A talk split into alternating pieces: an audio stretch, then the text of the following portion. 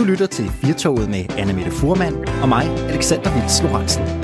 Og vi har en time tilbage endnu her af hele Danmarks eftermiddagsmagasin på øh, Radio 4 Firtoget. I den her time, Anne Mette, der skal vi øh, blandt andet tale om en ny platform, et nyt samarbejde, der hedder Coronatech. Et øh, samarbejde, der skal sikre, at vi får de rigtige løsninger på problemstillinger her under øh, coronakrisen.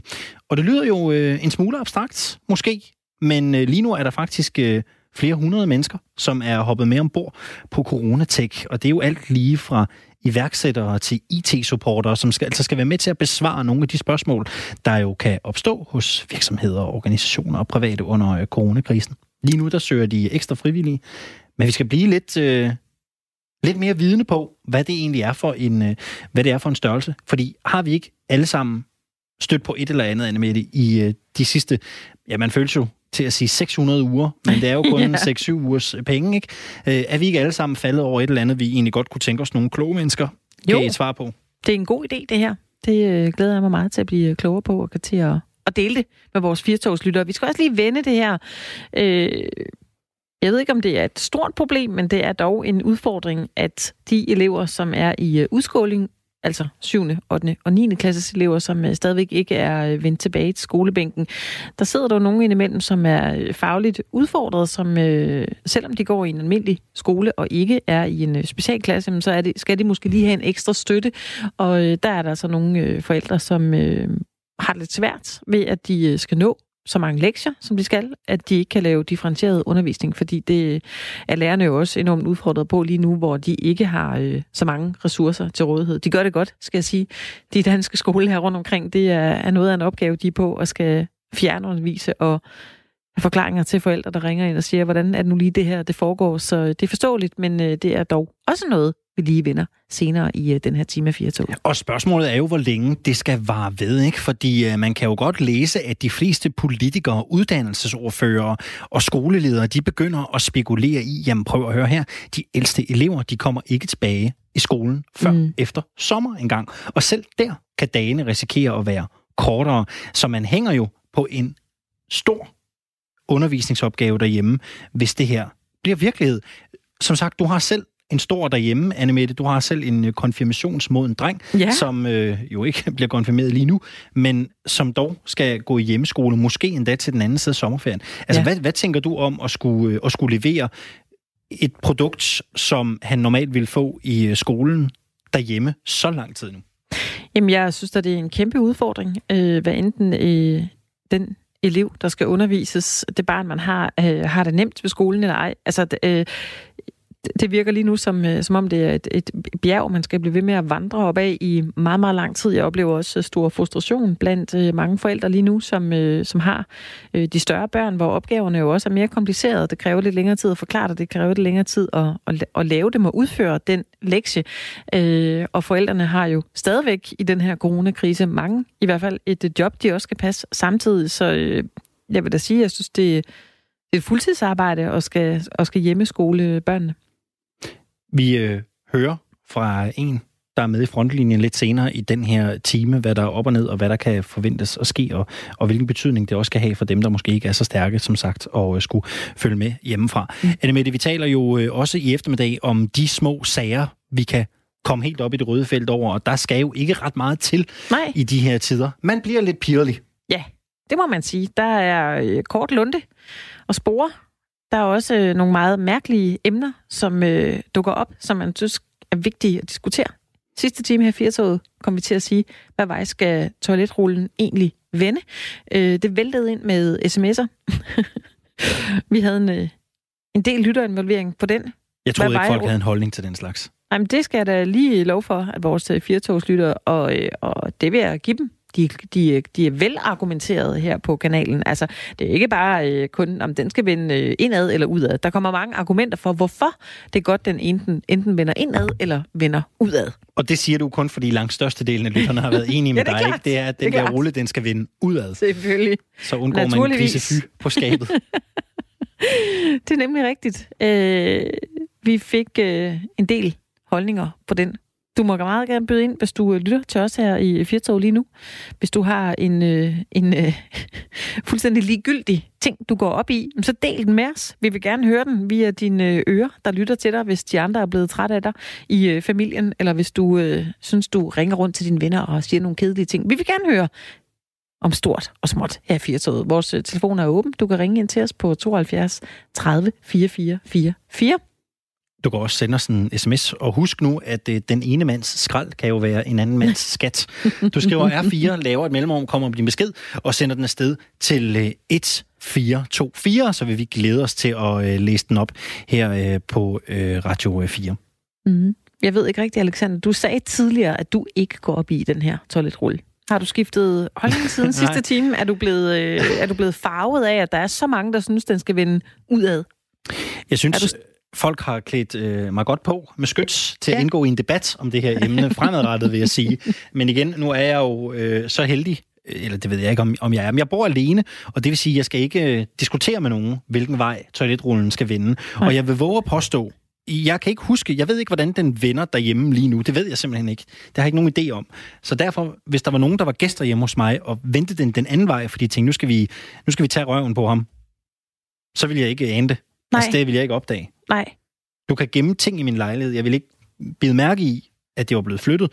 Du kan flytte rundt på t-shirt til mit klædeskab. Jeg vil ikke vide det. Nej. Jeg er ikke sådan en, der har styr på den slags. Aha. Har du?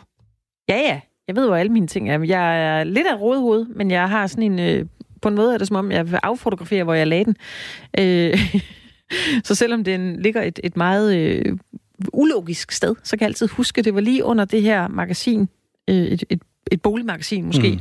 Så lå der lige det stykke papir, jeg skulle bruge med en oplysning, ja. jeg skulle bruge til noget tredje. Det er fuldstændig åndssvagt. Men jeg er begyndt at gå op, altså der er der ting, som måske ikke har fyldt så meget i mit liv tidligere, som jeg er begyndt at gå op i. Jeg sagde også i sidste time, at jeg har lavet mit uh, helt eget sådan uvidenskabelige forsøg over længere tid, hvilke en, uh, hvilken light sodavand jeg egentlig synes bedst om. Ja. Fordi der bliver sgu drukket en del af dem i de her tider, ikke? Ja. Altså, nu er det jo også ved at være værd til det. Er det det? Hvad er du nået frem til så? Jamen, jeg, jeg har fundet en favorit. Nu er ja. vi jo public service, mm. så jeg vil jo ikke sige, hvad jeg foretrækker. Men jeg har fundet en favorit.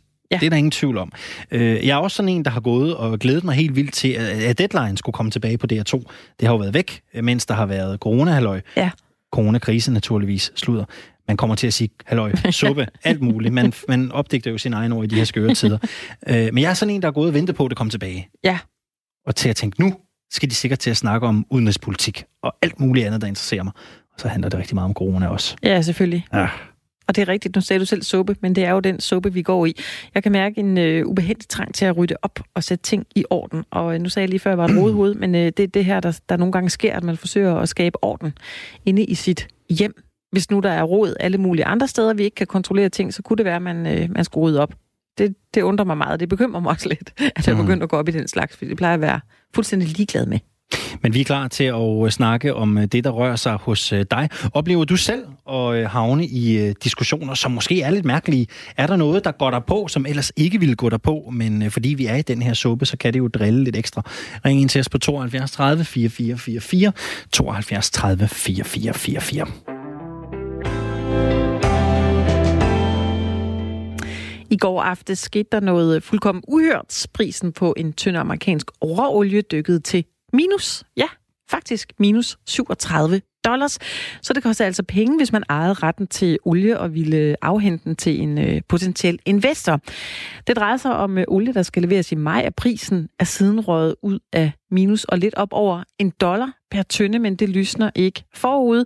Prisen for juni-olien er i dag faldet med 30 procent. Knap så drastisk, men formentlig baseret på forventning om, at der ikke kommer gang i oliehandlen lige forløbet. Kort og godt, at de her lave oliepriser, The Perfect Storm, Rusland og Saudi-Arabien øgede olieproduktionen for et par uger siden i en øh, priskrig, men der er nærmest ingen aftager på olien, for som de fleste er udmærket opmærksom på, at der er væsentligt mindre transport her i verden lige nu på grund af corona. Så den olie, der skulle sælges til flybrændstof, benzin osv., er ikke efterspurgt, og det kan du blandt andet se ved, at øh, benzinpriserne er lave, hvis øh, du altså har en bil og har været ude for at, at tanke bilen op for nylig. Med olieindustrien i sin øh, nuværende redelighed, så er det et oplagt tidspunkt at kigge på, om man ikke skulle droppe investeringerne i det sorte guld og i stedet bruge pengene på grønne, klimavenlige investeringer i stedet for. Sådan lyder det fra Greenpeace Danmark, der mener, at det nu at det er nu, man fra politisk og økonomisk side kan gøre noget ved den her grønne omstilling. Med på linjen har vi Sune Scheller. Velkommen til dig. Tak skal du have. Du er kampagneleder for Hav Olie hos Greenpeace i Danmark. Hvorfor er det nu, mens oliemarkedet er i krise, at man skal tænke i omstilling? Jamen, jeg tror mere, det har noget at gøre med øh, den coronakrise, øh, vi er i, og, og, som selvfølgelig også har en forbindelse til, til oliekrisen. Men det handler jo om, at vi har en økonomi lige nu, som øh, har fået nogle øh, gevaldige tæsk. Øh, og vi har en masse regeringer nu, som jo føler et behov for at sende en masse penge ud i samfundet, for ligesom at få sparket gang i økonomien igen. Og så har vi samtidig også en, en på en lidt længere bane en, øh, en grøn omstilling, som vi jo alle sammen har øh, forskellige grader af enighed om, øh, skal rulles ud. Øh, og det gælder jo i Danmark og, og en masse andre lande.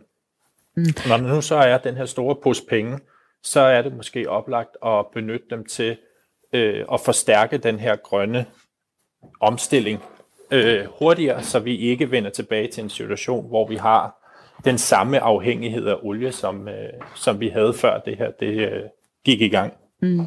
Hvem er det, I gerne vil se skridt til handling og, og for eksempel øh, omlægge investeringer? Jamen altså, vi er jo sådan set i gang med, med, med handlingen. Spørgsmålet er bare, hvad det er for nogle øh, måder, vi hjælper erhvervslivet på derude. Og der kan man jo give nogle øh, direkte penge øh, bidrag til en, en ledende olieindustri, fordi de beder om det. Eller man for eksempel kan gå ud og prøve at sætte gang i økonomien ved måske at hvad skal vi sige, udbygge vores jernbanenet, eller elektrificere det, eller bygge ladestander til elbiler, eller den slags ting.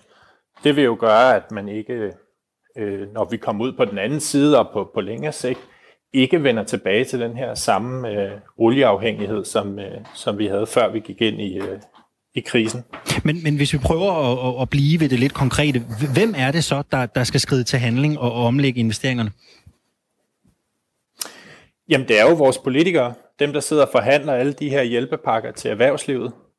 Øh, det er jo sådan set dem i sidste ende, der bestemmer, øh, hvem det er, der skal have hvad. Øh, så det er jo nogle, nogle store og vigtige beslutninger, de sidder med, og det vil være nogle, nogle beslutninger, som vil have en konsekvens langt ind i, øh, ind i fremtiden. Lige nu, der er vi jo i en, øh, i en international, en global øh, pandemi. Vi er i en sundhedskrise. Øh, grønne omstillinger og klimaomstilling er naturligvis en vigtig sag, men er det overhovedet realistisk at tro, at der lige nu er øh, fokus på, altså opmærksomhed nok, og, og i virkeligheden arbejdsro nok til at, til at tale om, om de her grønne, klimavenlige investeringer, når, når hele verden ligger i dvale? Ja, det tror jeg, der er. Altså, man må selvfølgelig tage højde for, at øh, den her krise, den ruller ud over verden i lidt forskellige øh, faser. Altså, nogle er ramt tidligere end andre, og nogle er ude før end andre osv. Så, så det, er jo, det må man jo have for øje. Men altså, hvis vi kigger herhjemme, så er der jo øh, en bred snak omkring de her øh, stimuli pakker eller, eller økonomiske hjælpepakker, eller hvad I nu vil kalde dem. Og der er jo samtidig også en stor bred enighed i, i Danmark om, at at den grønne omstilling skal selvfølgelig ikke gå fuldstændig stå på grund af det her. Dermed ikke sagt, at alle pengene skal gå til den grønne omstilling. Der kan være gode grunde til at, at give hjælp til, til erhverv eller løn eller et eller andet, som måske er sådan direkte forbundet med hverken den grønne eller den sorte industri. Hvor meget synes I kunne gå øh, til den, den slags omstilling? diskussioner skal vi også se andre steder. Hvor meget synes I kunne gå til den ja, grønne det har jeg ikke lige et tal på. Nej. Hvad, øh, hvis, hvis vi nu gør os den antagelse, at oliemarkedet kommer sig, når efterspørgselen før eller siden stiger igen, hvilket virker øh, sandsynligt, hvorfor er dens måske kortvarige krise så alligevel det perfekte tidspunkt til at begynde en omstilling i jeres øjne? Jamen, jeg tror ikke, der er nogen øh, tvivl om, at oliemarkedet vil komme tilbage i en eller anden grad. Øh, spørgsmålet er jo selvfølgelig, hvornår det vender, øh, hvor hurtigt tilbagekomsten vil være, men selvfølgelig også til hvilket niveau øh, det, vil, det, vil, det vil nå op på. grunden til, at vi synes, den her, den, lige det her øjeblik er rigtig godt, det er jo netop fordi, at man sidder med de her store poser penge og forhandler om, hvordan vi får gang i økonomien. Og de steder, hvor det så giver mening, og hvor det er muligt, jamen så giver det jo rigtig god mening, taget den grønne omstilling i betragtning, oprette pengene derhen, hvor de grønne, hvor de grønne initiativer er. Men hvordan undgår og det er man... derfor, det, skal, det er nu og her, det er interessant. Hvordan undgår man, at det får en negativ påvirkning af alle de arbejdspladser og, og den centrale økonomiske rolle, øh, fossile brændstoffer, navnligt olie, står for i, i øjeblikket? Jamen, man kan sagtens øh, overveje, at man skal gå ind og, og hjælpe nogle af de øh, folk, der bliver arbejdsløse i den fossile industri. Men der er stadig forskel på, om man går ind og hjælper dem, der bliver afskedet, eller man går ind og hjælper et oliefirma finansielt. Vi har jo nogle andre industrier, offshore-industrier i Danmark, øh, som for eksempel vindmølleindustrien, som jo allerede har taget folk fra, øh, fra olieindustrien. Det kan man jo hjælpe på vej øh, ved at flytte de mennesker fra den ene til den anden. Og øh, hvordan skal det så gøres øh, gradvist, og, og ikke ved at man river tæppet væk under, under de her oliefirmaer og deres ansatte? Ja, ja, det, det, det er absolut en, en gradvis øvelse. Øh, det er der ingen tvivl om. Det er ikke fordi, vi gør os nogen for nogen, hvad skal man sige, drømme om, at, at vi i morgen og jeg står og ikke har brug for olien. Men det er jo bare vigtigt at have i mente, at de her store stimulopakker, der bliver sendt ud, kan jo godt have nogle meget, meget langsigtede konsekvenser. Især hvis vi ligesom går ind og hjælper en olieindustri med at fortsætte meget, meget langt ud i fremtiden, i stedet for ligesom at begynde en gradvis, hvad skal man sige, nedlukning eller gøre os gradvist uafhængige af, af de fossile brændsler. Hvis man prøver at se på de muligheder for grønne investeringer, der er, hvor ser I så de største øh, potentialer? Jamen, der er jo ingen tvivl om, at udbygningen af den vedvarende energi jo øh, er enormt, øh, er, der, er der et enormt stort behov bag. Vi vil jo opleve et stort øh, behov for mere elektricitet, øh, især hvis vi gerne vil elektrificere vores øh, transportsystem. Så det er klart, at det er en oplagt mulighed at gå ind og kigge øh, på det. Og så handler det måske også om at, at sørge for, at vi ikke vender tilbage til nogle af de, øh, de hvad skal vi sige, de sorte valg. Som for eksempel et, øh, hvad ved jeg, bedre offentligt transportsystem, så man går tilbage til det, i stedet for måske lige så høj grad at gå tilbage til sin bil eller den slags. Men hvor, hvor realistisk tror du, det er, at det er den vej, vi kommer til at bevæge os i?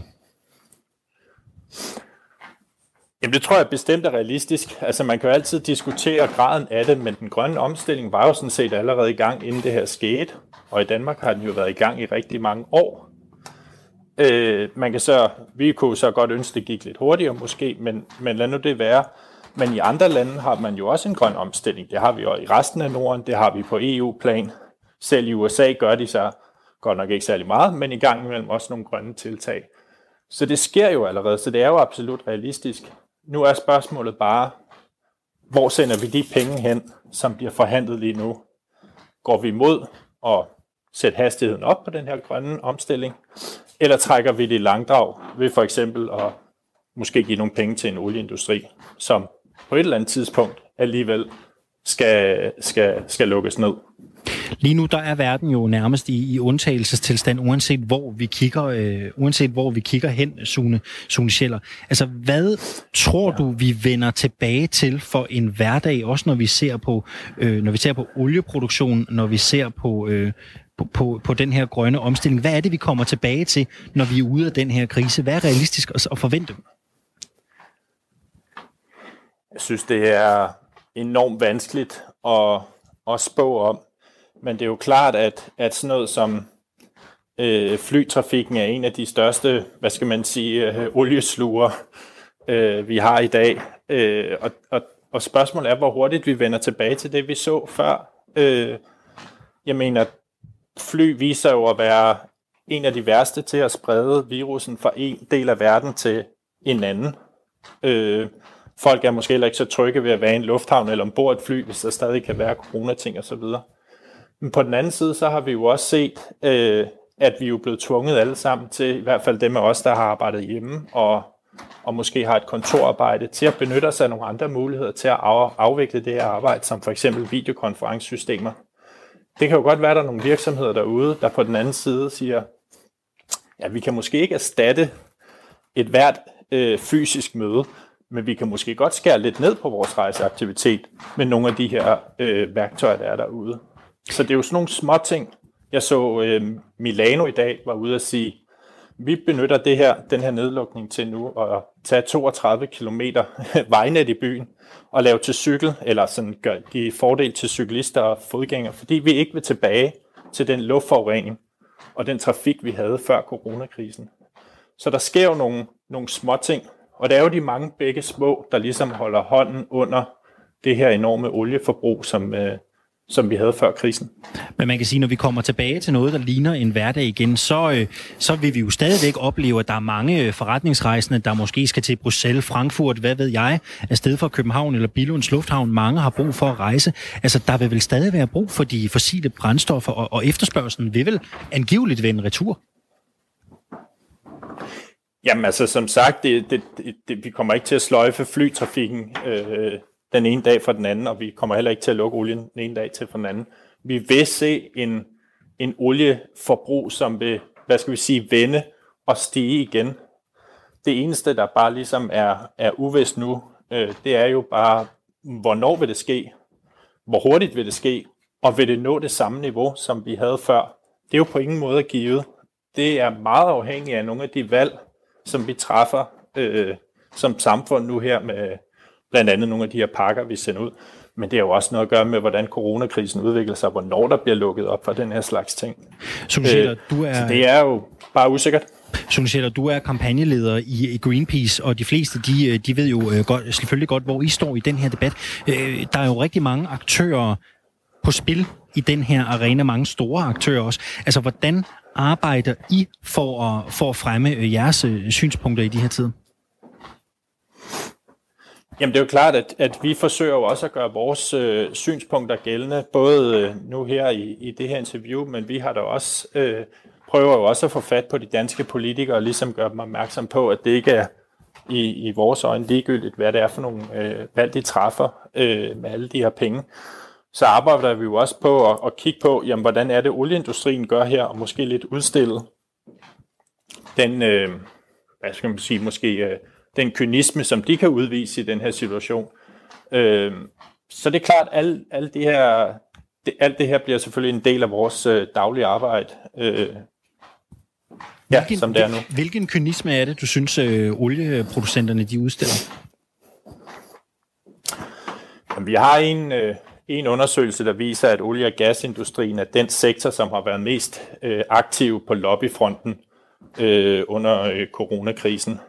Det er måske mest navnligt i, i USA, hvor vi har set sådan mere eller mindre kuriøse tiltag, sådan noget med, at man vil have man vil have indgangsplastikposer øh, man, øh, frem igen, fordi at, øh, det skulle være mere hygiejnisk. Man vil have mere frugt og grønt pakket ind i plastik, fordi det skulle være mere hygiejnisk.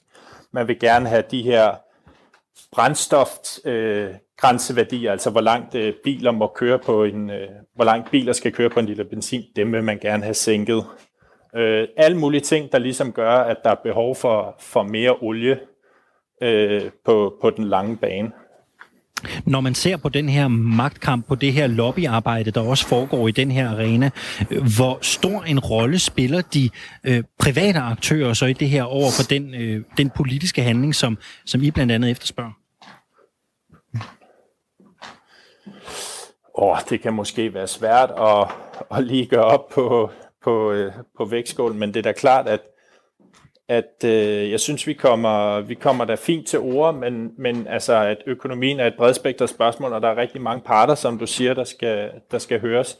Og det er jo heller ikke, fordi vi siger, at hver eneste krone skal, skal gå til grønne tiltag. Øh, det er ikke sikkert, det giver økonomisk mening altid, men vi siger bare, der hvor det er muligt, der, der burde man jo så rette den mod det grønne, fordi vi har andre interesser også på den, øh, på den lange bane. I en dansk sammenhæng, der synes jeg, der er en, en generel, hvad skal vi sige, bred forståelse for, at det her det også kan hjælpe den grønne omstilling. så kan det godt være, at der er enkelte aktører, som håber, at de kan komme tilbage til noget af det, der var før, som vi måske ikke er enige i. Hvad ved jeg, vi skal tilbage og flyve til samme niveau, som vi gjorde før, og så videre. Øh, men altså, lige præcis, og hvad skal man sige, at sætte point på, øh, hvem der fører her, det er nok lidt vanskeligt. Så nød det fra Sune Scheller, der er kampagneleder for Hav og Olie hos Greenpeace i Danmark. Tak skal du have, Sune, fordi du havde lyst til at være med i Firtoget. Velbekomme. Du lytter til Radio 4. I hvert fald. Det gør du. Det danske samfund står over for øh, rigtig mange udfordringer lige nu. Det medfører en masse problemer, men øh, dog har man set mange frivillige kræfter, hvor øh, danskerne blandt andet hjælper de ældre og udsatte borgere med at handle. Nu er der også stiftet en øh, ny platform for øh, frivillighed. Den hedder Corona Tech. Og de vil samle de øh, klogeste hoveder i et øh, forsøg på at komme med løsninger på øh, nogle af de problemer, der er opstået i coronakrisen. Og det er jo det, Alexander, der sker med os mennesker. Det er jo det, der er det dejlige, at når vi står ude for en udfordring, så tænker man, hvad kan jeg må gøre for at hjælpe? Og øh, vi har talt om det før her i Firtoget, mm. hvor, øh, hvor dejligt det er, at der kommer så mange øh, altså kreative tiltag på nye ting, man måske ikke vidste, man havde brug for, som vi også skal bruge efter den her krise engang er overstået. Lige nu skal vi tale med øh, Esben Gadsbøl. Hej med dig. Velkommen. Undskyld. Velkommen her til Firtoget. Det er dig, der er stifter af Coronatech. Kan du ikke lige prøve at øh, starte med at fortælle os øh, tankerne bag Coronatech? Jo. Øh, da, vi, øh, da Mette hun lukkede samfundet ned, der havde vi øh, mødtes nogle iværksættere i et par uger, hvor vi havde snakket om, jamen hvis det her det virkelig stikker af i, i Danmark, hvad, øh, hvad kan vi gøre som iværksættere? Hvordan kan vi bidrage? Og øh, så var vi nogle stykker, der blev enige om at sige, jamen øh, vi har brug for et sted, hvor vi kan gå hen med de udfordringer, vi tænker, teknologi kan være med til at løse. Og så kan vi øh, snakke om de udfordringer og se om komme med løsninger.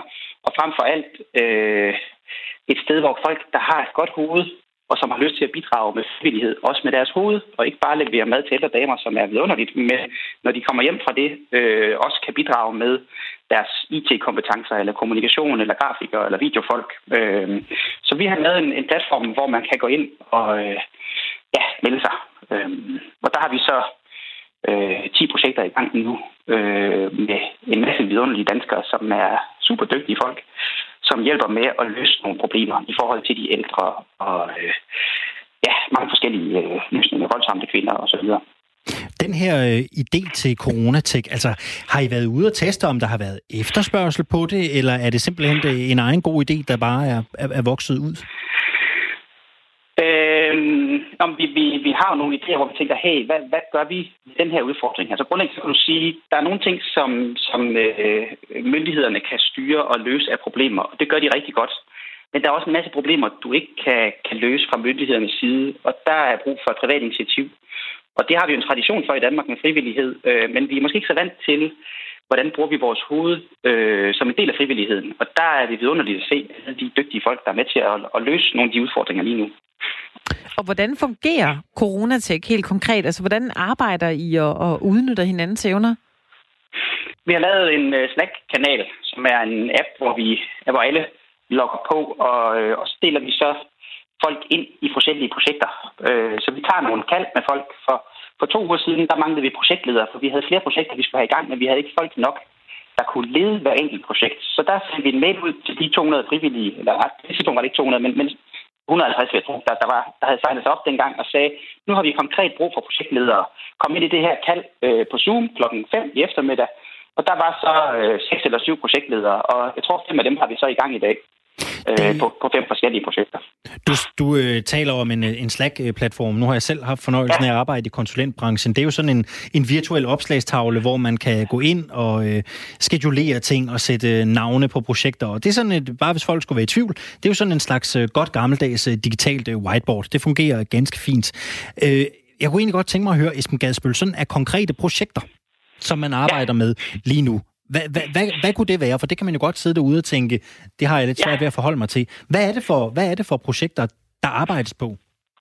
Vi havde øh, en dejlig mand, der hed Claus Jensen, som tage fat i os og sagde, jeg er coach, og jeg har taget en rigtig god coachuddannelse. Det er jeg vant til at øh, coache erhvervsledere. Jeg vil gerne coache sundhedspersonale gratis. Kan I hjælpe mig? hvordan får jeg lavet en platform? Og så har vi hjulpet ham med at lave den platform, der lige er gået live, som hedder heart-to-heart.help, hvor, øh, hvor de er en, en øh, jeg ved ikke, hvor mange de er på nu, men en, en del danske coaches, som siger, at vi vil gerne coache sundhedspersonale gratis i den her periode. Øh, og det er jo underligt, at de kan det nu. Øh, så det er et projekt. Et andet projekt er i forhold til ældre, hvor, øh, hvor, hvor vi er inde og snakke øh, med øh, noget plejehjem og sige, hvad, hvad er det for en infrastruktur, hvad er det, der skal til, fordi frivillige og pårørende kan jo ikke komme ind lige nu, og det er selvfølgelig hårdt, både for de ældre og, og for de pårørende. Så hvordan kunne vi øh, være med til at hjælpe med at finde nogle løsninger, der kunne, kunne gøre, at de kunne have et, et mest muligt tåligt liv i den her svære situation, som de er i.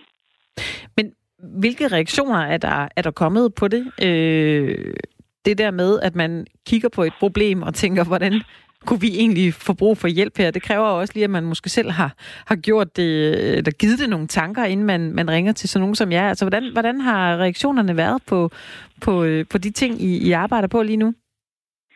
Øh, kun positivt.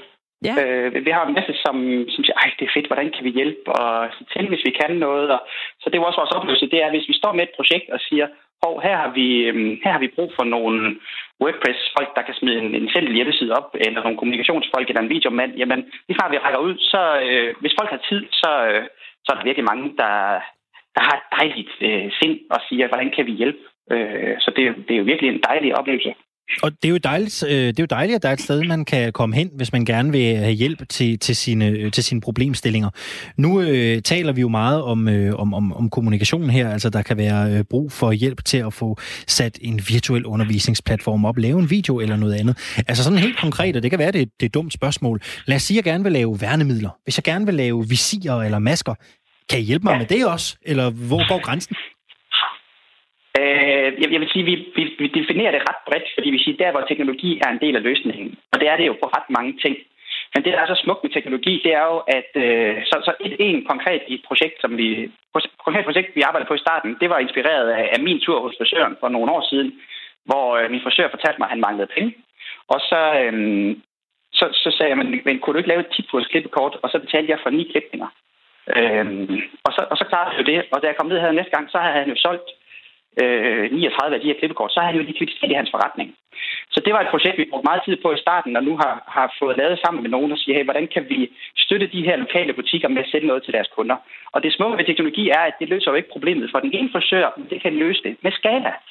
Og det er jo derfor, at Google og de andre er blevet så store. Det er fordi, det, der virker i San Francisco, kan virke i hele verden. Og på samme måde er det jo, hvis vi får løst noget på et plejehjem eller øh, med voldsramte kvinder et sted i København, jamen så kan vi jo have de løsninger og inspirere andre med med, med lignende tilfælde andre steder i landet, eller, eller som vi også tænker i nu, hvordan kan vi hjælpe ud i verden, hvor der også er, altså USA og, og tredje verden bliver jo øh, ja, svært sagtet lige nu. Øh, især tredje verden, lige om lidt går det jo virkelig vildt for sig. Så hvis der er noget, vi kan gøre i Danmark, så øh, ja, man kunne tænke sig sådan, nu har vi haft sådan en Danmark hjælper Danmark, men øh, der er mange, mange danskere, der også gerne vil hjælpe verden, så, så, så vi har lidt sådan et billede af, en Danmark hjælper verden, men, men hvordan kunne det se ud, og hvad er det for nogle løsninger, der kan hjælpe verden? Og, så det er et relativt stort projekt, men, øh, men det vil vi rigtig gerne være med til. Øh, vi, ja. Det er jo fantastisk, øh, det her, Esben Gadsbøl. The sky is øh, the limit, og øh, man kan få hjælp der, hvor der er teknologi indblandet. Jeg fristes jo til at sige, at det her, det kunne du blive en rigtig, rigtig rig mand af. Hvorfor skal det være frivilligt, og hvorfor skal der ikke tjenes penge på det? Jeg synes, det er lidt røvsygt, at alt skal handle om penge i det her samfund. Altså, øh, det er jo, hvor mange penge kan vi tage med os i graven? Altså, øh, det handler om at have et godt liv, og øh, jeg sad, øh, som min far gjorde for en år siden på et plejehjem, og, øh, og ikke kunne snakke med min familie eller frivillige lige nu, så ville jeg da ønske, at der var nogen, der var med til at, at hjælpe mig, så jeg kunne få kontakt, eller på en eller anden måde øh, få hjælp. Øh, ja, så, så øh, ved du hvad, der er utrolig mange danskere, der gerne vil hjælpe hinanden, og det gør vi jo i høj grad. Vi har haft lidt for meget fokus på, at, øh, at øh, vores egen lille kage, og hvad kan jeg få ud af det, men, men jeg synes, det er vidunderligt at mærke det samfundssind, der er øh, overalt i Danmark lige nu. Mm. Esben Gadsbøl, det er dig, der er stifter af Coronatech. Altså, hvad er dine forhåbninger for, øh, for Coronatech i, i fremtiden? Øh, jeg tror, jeg har sagt fra starten af, at øh, den dag, der ikke er corona længere, så lukker, så lukker vi, fordi vi har ikke brug for at have en organisation. Vi har brug for at gøre en forskel. Og øh, hvis der ikke er nogen behov tilbage, der skal løses, så, øh, så sker det til at læse Dostoyevsky igen. du skal simpelthen til at læse Dostojevski igen. Har du været i gang Ja, med den altså, før? Ja, ja, ja, det er bare lige nu. Nu har jeg jo ikke tid til at læse, så nu, øh, nu må vi jo snakke med jer andre gode folk. Ja. Så, øh, så kan vi jo læse igen om nogle måneder. Esben Gadsbøl, øh, sidst jeg øh, læste op på det her, der var I nogle 100 stykker, og I var godt med, når det kom til iværksætter over en bred kamp. I var godt med, når det kom til, til, til IT-supporter og IT-kyndige. Hvem er det, I mangler lige nu til at løse de opgaver, som, som I står overfor? Altså, øhm, vi mangler tre ting. Øhm, kommunikationsfolk. Vi mangler nogen, der kan lave nogle simple hjemmesider, som WordPress eller andet. Øhm, og så nogle projektledere.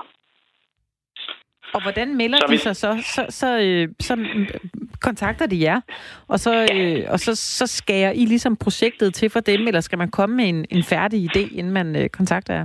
Nej, nej, de skal bare altså, ind på co- coronatech.org Ja. og så øh, melde sig. Så, øh, så gør vi, hvad vi kan. Vi har jo ikke prøvet at bygge sådan en... Vi, vi tænker lidt på det som sådan en guerillabevægelse af frivillighed. Så der er også utrolig meget, vi lærer. Så det er jo ikke alle, vi har fået ind, vi nu har lært at sætte på projekter, og hvordan gør vi det, og hvordan får vi... Så vi, så vi lærer jo hver uge. Øhm, ja, så, så måske det sidste, jeg kan sige, det er, at vi, vi, vi går live med et et øh, spørgeskema. Jeg ved ikke, om det er smidt op i dag, eller så gør det det i morgen på NetDoktor, hvor vi gerne vil høre fra folk, som af en eller anden grad er, i en eller anden grad er udsat, altså har en sygdom eller andet, som er i risikozonen, og som øh, for at høre, hvad er deres behov i forhold til at skulle være isoleret nu, øh, måske et år frem. Øh, fordi vi, vi, vi, vi tænker på, jamen, hvordan kunne man Altså hvis man skal sidde øh, alene hjemme i et år, og man ikke har altan, og man sidder i sin lejlighed, så, så er det et rigtig hårdt liv. Øh, så, så at afdække, hvad er behovet for folk, der er enten ældre og har mange behov, eller øh, ja, folk, der er syge eller har syge børn, øh, for, for at se, om der er et behov for, at vi også er med til, sammen med alle mulige andre, at finde nogle løsninger. Øh, ja, så der kan jo også være nogen derude, der har nogle løsninger, de er i gang med, og har brug for nogle hænder, så kan de jo også henvende sig. De, vi, det er jo sammen, sammen løser vi udfordringerne. Det, det er det, vi, vi tror på. Esben Gadsbøl, jeg tror, øh, alle, der har prøvet at iscenesætte et øh, teaterstykke i en dramaforening med frivillige, de ved, hvor, øh, hvor stor en opgave det er at arbejde med mange frivillige og holde styr på dem. Du har jo, øh, du har jo flere hundrede øh, tilknyttet i øh, Coronatech, som hjælper på alle mulige måder, og jeg har ikke været i gang særlig længe. Kan du ikke prøve at sætte et par ord på, hvad det er for en opgave? Øhm, der er en, jeg tror, noget af det, der inspirerede mig, da vi startede, det var en bog, der hedder Team of Teams, som er skrevet af ham, der ledte det amerikanske militær i Afghanistan. Og der var to ting, han lærte der, som de lavede om på. Og det var et, at de delte folk ind i små grupper og gav dem meget selvbestemmelse. Så vi ikke sidder og topstyrer dem, men så de vælger det, og de finder ud af det, og vi giver dem beslutningskraft ud i teamsene. Det andet, det var, at han sagde, at det dur ikke med de her, øh, forestil jer sådan et bestyrelsesmøde af generaler i toppen, der sidder seks mand, og alt er tophemmeligt. Øh, de bliver nødt til at lave det om, så de i stedet for melder ud, hvad er det for nogle udfordringer, vi har, og så får de hele militæret til at tænke med og finde løsninger. Og så det er måske lidt, øh, man kan sige, noget af det, som jeg ved, øh, finderne har gjort, det er, at myndighederne har gået ud tidligt og sagt, øh, vi har nogle mulige, vi har nogle behov for nogle apps, der kan de her tre ting. Kom businesses i Finland, kom med nogle forslag, øh, forretningsliv. Hvem har nogle løsninger, der kan bygge det her? Øh, og, og, og der, der vil sige, der, der tror jeg, at vi har stadig meget at lære som samfund i forhold til, hvordan kan vi inddrage innovationen, for vi har sindssygt mange gode hoveder i Danmark. Hvordan kan vi inddrage dem i at finde løsninger på de mange udfordringer, vi har? Hvordan, Så, så, ja.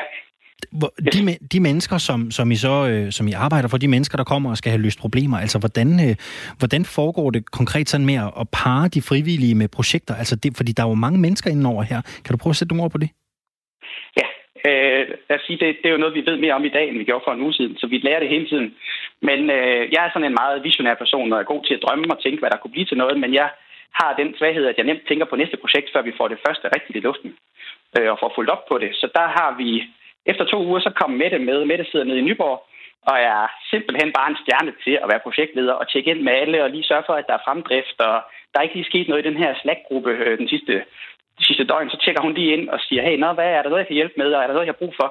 Så, øh, og så har vi en, en HR-dame, som hjælper med at sidde og kigge alle de her ansøgninger, i, hvad kan man sige, såkaldte ansøgninger, igennem og sige, hov, hvem passer lige på det her projekt? Og, øh, ja, så, så det vi også øver os i nu, det er at sige, nu får vi så mange projekter, så hvordan kan vi have et samarbejde med lidt mere etablerede øh, øh, grupper. Det kunne være øh, kaospiloterne, eller IT-branchen, eller andre, som har, altså virksomheder, der måske har projektledere i overskud lige nu, øh, dem vil vi rigtig gerne høre fra, fordi så er det nemmere for os at sige, at vi skal bruge, vi har fem nye projekter, vi skal bruge fem mand, der kan det her, så er det nemmere for os at skalere det. Men øh, ja, det, det, øh, ja, det er klart, et projekt mere vil jo gøre en stor forskel, fordi dem, hvis vi reelt set lykkes med det, der er noget, der ikke kommer til at lykkes, men hvis der er noget, der lykkes, så har det jo en reel indflydelse på de menneskers liv, og det er jo, øh, ja, ting som nogen gjorde det for mig, jeg sad på et plejehjem, det ville da være vidunderligt at kunne snakke med mine børnebørn igen. Altså, jeg må ærligt indrømme, jeg blev faktisk... Øh, altså, jeg fik sådan en, en, en god følelse, da jeg så, at så mange har tilmeldt jer jeres, jeres projekt. Det er, jo, øh, det er jo vidunderligt. Hvordan, øh, hvor, hvorfor tror du, at, at der er så mange danskere, som, som har lyst til at give et, et frivilligt nap med i de her tider? Det er, fordi vi har en dejlig kultur og et dejligt land. Og måske også, måske også fordi, at øh, vi er i krise, og derfor kommer nøden lidt tættere på os. Øh, det kan godt være lidt svært at forholde sig til afrikanere, der sulter. Men, øh, men nu har vi jo alle sammen en krise tæt på, og så er der måske nok nogle værdier, som måske kan man sige, vi kommer tilbage til. Øh, ja, øh, så jeg er da, ja, jeg er stolt over at, at få lov til at være med til det her og mærke den energi, der er, og al den øh, velvillighed til, at vi, vi sammen løser udfordringerne. Så lød det fra Esben Gadsbøl, der altså er stifter af Coronatech. Esben, tusind tak skal du have, fordi du havde lyst til at være med i Firtoget. Tak selv.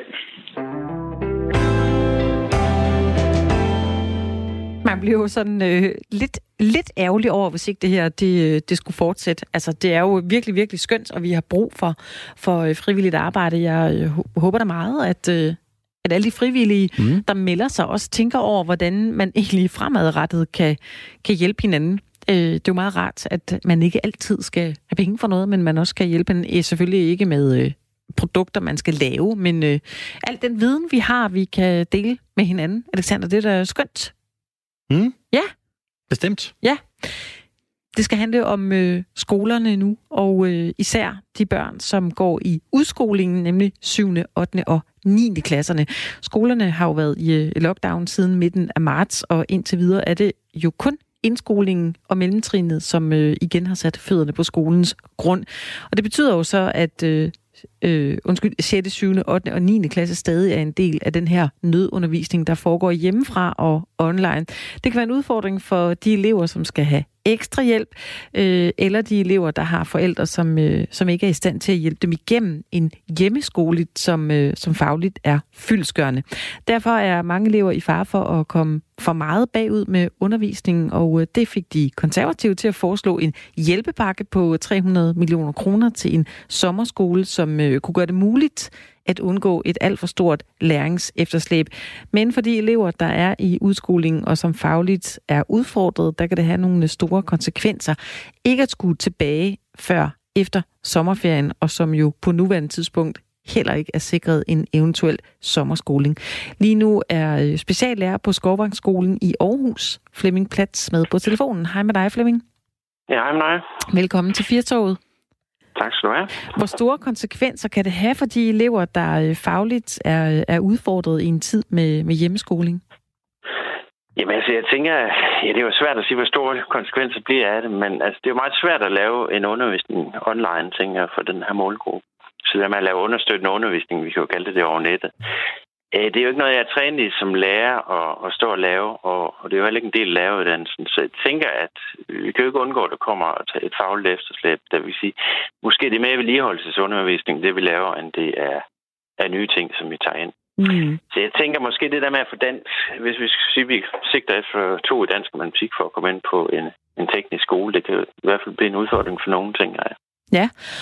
Og ja. Hvor, hvor meget kan man egentlig øh, som forældre nu her, vi er i øh, uge 5-6 øh, stykker siden den her lockdown på skolen, hvor meget kan man, man kræve af skolen i forhold til at få differentieret undervisningen? Altså det er jo en tid, hvor alle kører, kører på nødblus, også lærerne.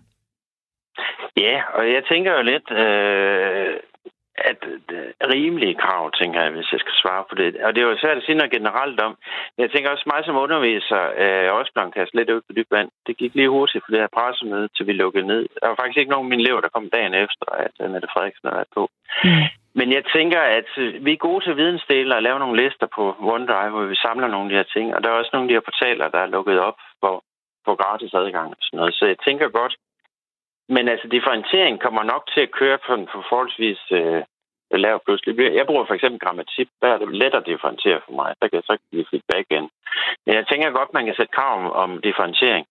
Men der er, meget, der er meget logistik i det, der er meget ledelse. Øh, øh, og når man skal sidde og lave de her ting, give feedback forskellige steder. Det er lidt lettere i klasserum.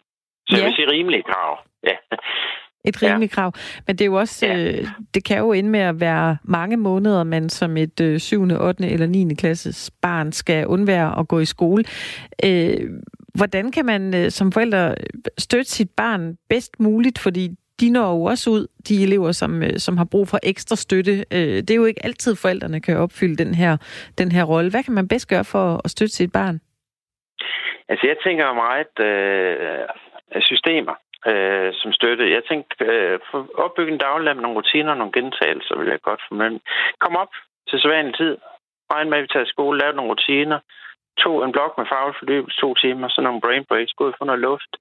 Så en blok med noget fagligt, og så den samme struktur hver dag. Og så måske også en dag, øh, hvis man har noget sådan flipboard, lige hænge det op på væggen, så vi har det til at stå visuelt også. Det vil være så den samme struktur så, øh, hver dag, så barnet også kan følge med i det. Og så måske også, jeg ved ikke, man kan også altid putte en belønning i den anden ende, hvis det er svært. Øh, man står som, øh, man kan sige, man står som hjælpeunderviser, som, som, som forældre lige pludselig. Det er, jo en, det er jo en anden rolle for de fleste at træde ind i. Men det vil man i hvert fald være hjulpet med, med den her struktur og gentagelse. Og så er det også, at man gør det visuelt. Flemming Platz, øh, lad os lege med det her scenarie, at, at de her børn de kommer til at være hjemme ind til den anden side af, øh, af sommerferien. En ting, det er jo den undervisning, man som forældre kan bidrage med, den struktur, man kan kaste over hverdagen hjemmefra. Men hvad er det for en opgave, der venter jer, Flemming Platz, hvis I skal til at i gang igen, først efter sommerferien? Ja, det er jo... Øh, jeg skal lige have et spørgsmål en gang til. Når I kommer ja, tilbage, I, I skal ja. jo... I, lad os antage, at øh, eleverne ikke kommer tilbage før efter sommerferien. Så er det ja. jo ret lang tid, de har været væk fra en klassisk skolegang. Ja. Hvor stor en opgave bliver det for jer at få hverdagen til at glide igen? Jamen, altså, man kan jo sige meget, altså, når vi nu øh, arbejder virtuelt på den her måde, der har vi ikke nogen fornemmelse af hinanden. Meget af vores, øh, altså den tilgang, nu er jeg specialklasselærer, men den tilgang, vi har er meget det relationelle. Vi, vi skal måske til at bygge nogle strukturer op og noget, noget omkring det at gå i skole igen, og vi har selvfølgelig også, vi vil også have et fagligt efterslæb. Øh, og lidt afhængig af, hvor lang tid det kommer til at vare. Man kan sige, det jeg har lavet måske er meget øh, vedligeholdelsesundervisning. Det er at kunne kunne præstere i forhold til mine elever. Så vi skal i hvert fald til at starte og få... få og det er jo selvfølgelig også derfor, at konservative har været ude med ud med det her. Nu skal, nu skal vi se, om vi kan få på 14 dages sommerskole, så vi kan indhente det her efterslæb. Men det er jo svært for mig at sige, hvor vi havner henne, fordi øh, nu de sidste udmeldinger, der stod i politikken i dag, det var, at vi måske først startede efter sommerferien. Mm. Det er jo ikke meldt endeligt ud endnu. Det er det ikke. Vi kan, vi kan have lov at håbe lige i lidt endnu, Flemming Platz. Jeg skal lige, ja. mm. er, det, er det realistisk, at, at 14 dage på en sommerskole, det, det sådan skal kunne hjælpe det her øh, læringsefterslæb, der kan opstå lige nu for, for nogle af eleverne? Ja, altså jeg har jo også øh, det bekendtskab med drenge med Lars Løkkefonden, ikke? Så man kan sige, det kan jo godt lade sig gøre at rykke nogle fagligt på, på kort tid, og Teach First er også ude med et produkt for børn på kanten, ikke? Men jeg tænker, det er jo en anden måde at køre skole på, den med coachen tilgang. Der er måske ikke så lang tradition for det i skoleregi. Og, øh, og jeg ved også, man skal også være opmærksom på, at der er en optagelsesrunde til Drengeakademiet. Så jeg tænker ikke, altså til sommer 14 dage på, på skolevejen for sådan nogle danske drenge. Det er der ikke nogen, der siger juhu til. Så jeg tænker, at det bliver en svær opgave, hvis man skal sige, at det er alle, der skal gøre det. Mm. Øh, men altså, det er jo måske det er jo også selvfølgelig konservativt at stille spørgsmål, fordi øh, vi skal have fagligt, og vi skal have almindeligt dannende. Så jeg tænker måske, det var mere øh, relevant at kigge. Det var en politisk diskussion om forberedelsesfaktor på læreren. Mm. Øh, fordi hvis vi skal levere en undervisning, som skal være på det samme niveau som på drengeakademiet, så er der i hvert fald nogle strukturelle ting, vi også skal kigge på. Mm. Så jeg vil umiddelbart sige nej. Øh, det tror jeg ikke, vi kan, øh, hvis, hvis vi sammenligner os med, med drengeakademiet. Der er også en ansøgningsprocedure for det. Og hvordan, hvis man ja. nu sidder som, øh, som forældre til, til børn, der er lidt øh, udsatte og skal have en, en ekstra hånd i, i ryggen for at kunne, øh, kunne klare den her øh, hverdag, hvor de skal hjemmeskole, så alting foregår online, og det øvrigt er, er forældrene, der skal, der skal uh-huh. agere uh-huh. undervisnings Øh, altså dem, dem, der skal lære dem. Selvfølgelig er der øh, Google Meet-møder, hvor man får det forklaret af sin lærer, men der er dog noget støtte. Hvordan kan man sådan bedst tilrettelægge sin, øh, sin skoledag for, for, for ens barn, øh, som, som fagligt lige skal have den her ekstra hånd? Jamen, altså, jeg tænker jo lidt, at øh, nu, det går lidt over, ind over spørgsmål to også, men altså, jeg tænker, man skal i hvert fald sørge for at succesdække det, man laver. Øh, så målene skal være inden for rækkevidde for de her unger. Det, hvis, man, hvis det, det er for langt uden for deres komfortzone, plejer jeg at sige. Jeg plejer at sige, at jeg har sådan et, et grønt og et gult felt og et rødt felt. Så vi, vi laver meget vedligeholdelsesundervisning inde i det grønne felt. Så kan vi komme lidt ud i det gule felt, hvor det er en lille smule sværere. Men vi skal ikke sætte, sætte et mål for dem. Nu skal de lære det der, de der latinske betegnelser her i eftermiddag for de klasserne. Så vi er ude i røde felt, det stresser børnene. Så de skal opleve i hvert fald at have en mestring i deres dagligdag. Og vi skal sikre, eller forældrene skal sikre, at de kan nå det. Ja. Øh, inden for en vis tidsramme. Så det er ikke sådan, om fem timer skal vi være derhen. Det er noget med, om en halv time skal vi være der, for eksempel. Altså, så vi ikke, vi ikke sætter for langsigtede mål. Så, så. også skrue lidt ned for blussen, ikke?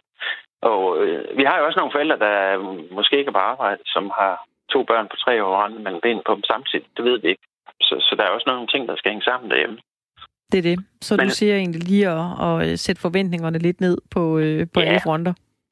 Ja, og så, så også, som jeg sagde i spørgsmål 2, der er sådan nogle rutiner og gentagelser øh, i støttende struktur og det samme ting hver dag, og så sørge for at komme op om morgenen og gang simpelthen. Ja. Og så holde fri, og måske en belønning i den sidste ende, det ved jeg ikke. Det tror jeg ja. er en god idé. Flemming Plat, mm. speciallærer på Skovvangsskolen i Aarhus. Tak fordi du var med os her i Firtoget. Du er velkommen. Firtoget. Lyt med alle hverdage kl. 15. Annemette, lad os da tage et, øh, et blik tilbage på øh, den her dag, set med de historiske briller. Ja. Og lad os starte med at springe 10 år tilbage. Fordi øh, lige nu, der er hele verden jo øh, lukket ned. Man kan ikke rigtig komme nogen steder hen. Grænserne er lukket. Vi er i øh, globalt lockdown. I Europa, der oplevede vi faktisk noget lignende meget kortvarigt på den her dag for, øh, for 10 år siden. Ja. Fordi, øh, kan du huske, hvis jeg nu nævner en vulkan, der hedder Eyjafjallajökull ja, på Island. Det kan du tro, kan du jeg huske kan. det? Ved du, hvad jeg snakker om så? Ja, det ved jeg godt. Ja. Dem, så lad mig høre. Jamen, det var jo fordi, den, øh, altså, den øh, var i udbrud, og så var der jo aske, der gjorde, at man ikke kunne flyve. Ja, så var der rigtigt. jo nogle mennesker, som var i kurshøjen spærret inde på Island, der ikke kunne øh, komme nogen steder. Øh, ja. Præcis. Mm. Det var i fem dage, det varede. På den her dag for 10 år siden, der blev det igen muligt at, øh, at flyve. Men det rigtigt, luftrummet blev spærret af, og det betød jo, at man ikke kunne, at man ikke kunne komme nogen steder, og folk var strandet over, øh, over øh, mange dele af Europa. Ja, jeg husker det faktisk. Jeg kender nogen, som skulle fra Island, som nåede at komme med det aller, aller sidste fly øh, fra Island. Og da de sad i luften, der var det altså nærmest som om, de havde øh, asken for den her vulkan. Altså lige ja, ja. rumpetten af flyet. At, at selv piloterne havde en... Du ved, de følte, mm-hmm. der sad en lille engel på, på skulderen der. Og jeg kan da huske, hvor mange mennesker, der øh, gik øh, lidt i panik over, hvad sker der nu? Ja. Her taler vi hvad? Fem dage? Ja. Jeg, det virker øh, jo som ingenting. Jeg var lige gået ud af, af, af gymnasiet på det tidspunkt, og jeg kan huske, hvis jeg ikke tager meget fejl, der var nogle klasser, som faktisk skulle have været på tur på Island. Øh, en studietur. Ja. Og det øh, blev jo faktisk umuligt gjort, at det her, de kom ikke afsted. Og øh, så kan man jo godt sidde og bande, I feel you good, langt væk, eller hvordan man udtaler det øh, korrekt. Det skal jeg øh, være ærlig og indrømme, det har jeg ikke, det har jeg ikke, det har jeg ikke helt styr på. Nej. Men øh, bare for lige at sige, at øh, vi har jo stået i en situation før. Det er selvfølgelig på ingen måde nær så alvorligt. Men vi har da i nyere tid også stået i situationer, hvor det har været øh, lidt svært at komme rundt. I hvert fald i en del af verden i en øh, kort periode. Ja, vi bliver så hardcore efter, vi har været igennem den her øh, coronakrise. Vi kan klare alverdens ting, når det engang bliver normalt. Det er der ingen tvivl om. Vi er øh, tilbage igen med mere firtoget i morgen, når klokken den bliver øh, 15. Lige på den anden side af os, så er det blevet tid til øh, Kreds med Maja Hall og godt kulturstof her i din radio. Vi spiller lidt musik frem mod et nyhedsoverblik. Og ved du hvad, Anne Mette? Vi øh, tager en tur med John Mogensen ud for at finde to mennesker på en strand.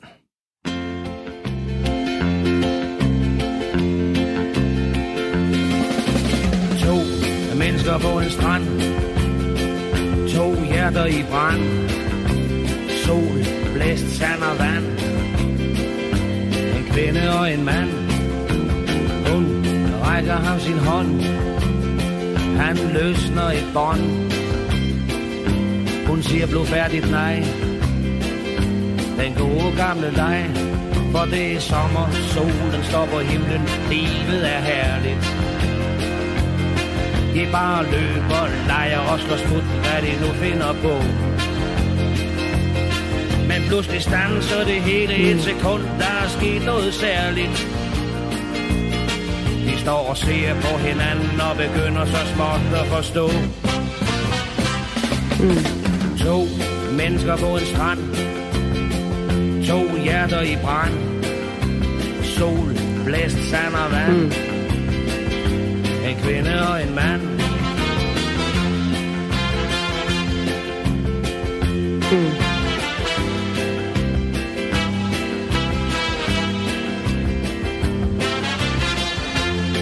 En dejlig gryde i toppen af en klit, hvor de lægger sig sammen. En skøn oase for to lille vidt fra den nærmeste stad. Og der er ingen at se, det er jo bare at puse til flammen. Nu er der intet på denne jord, der magter at skille dem ad. To mennesker på en strand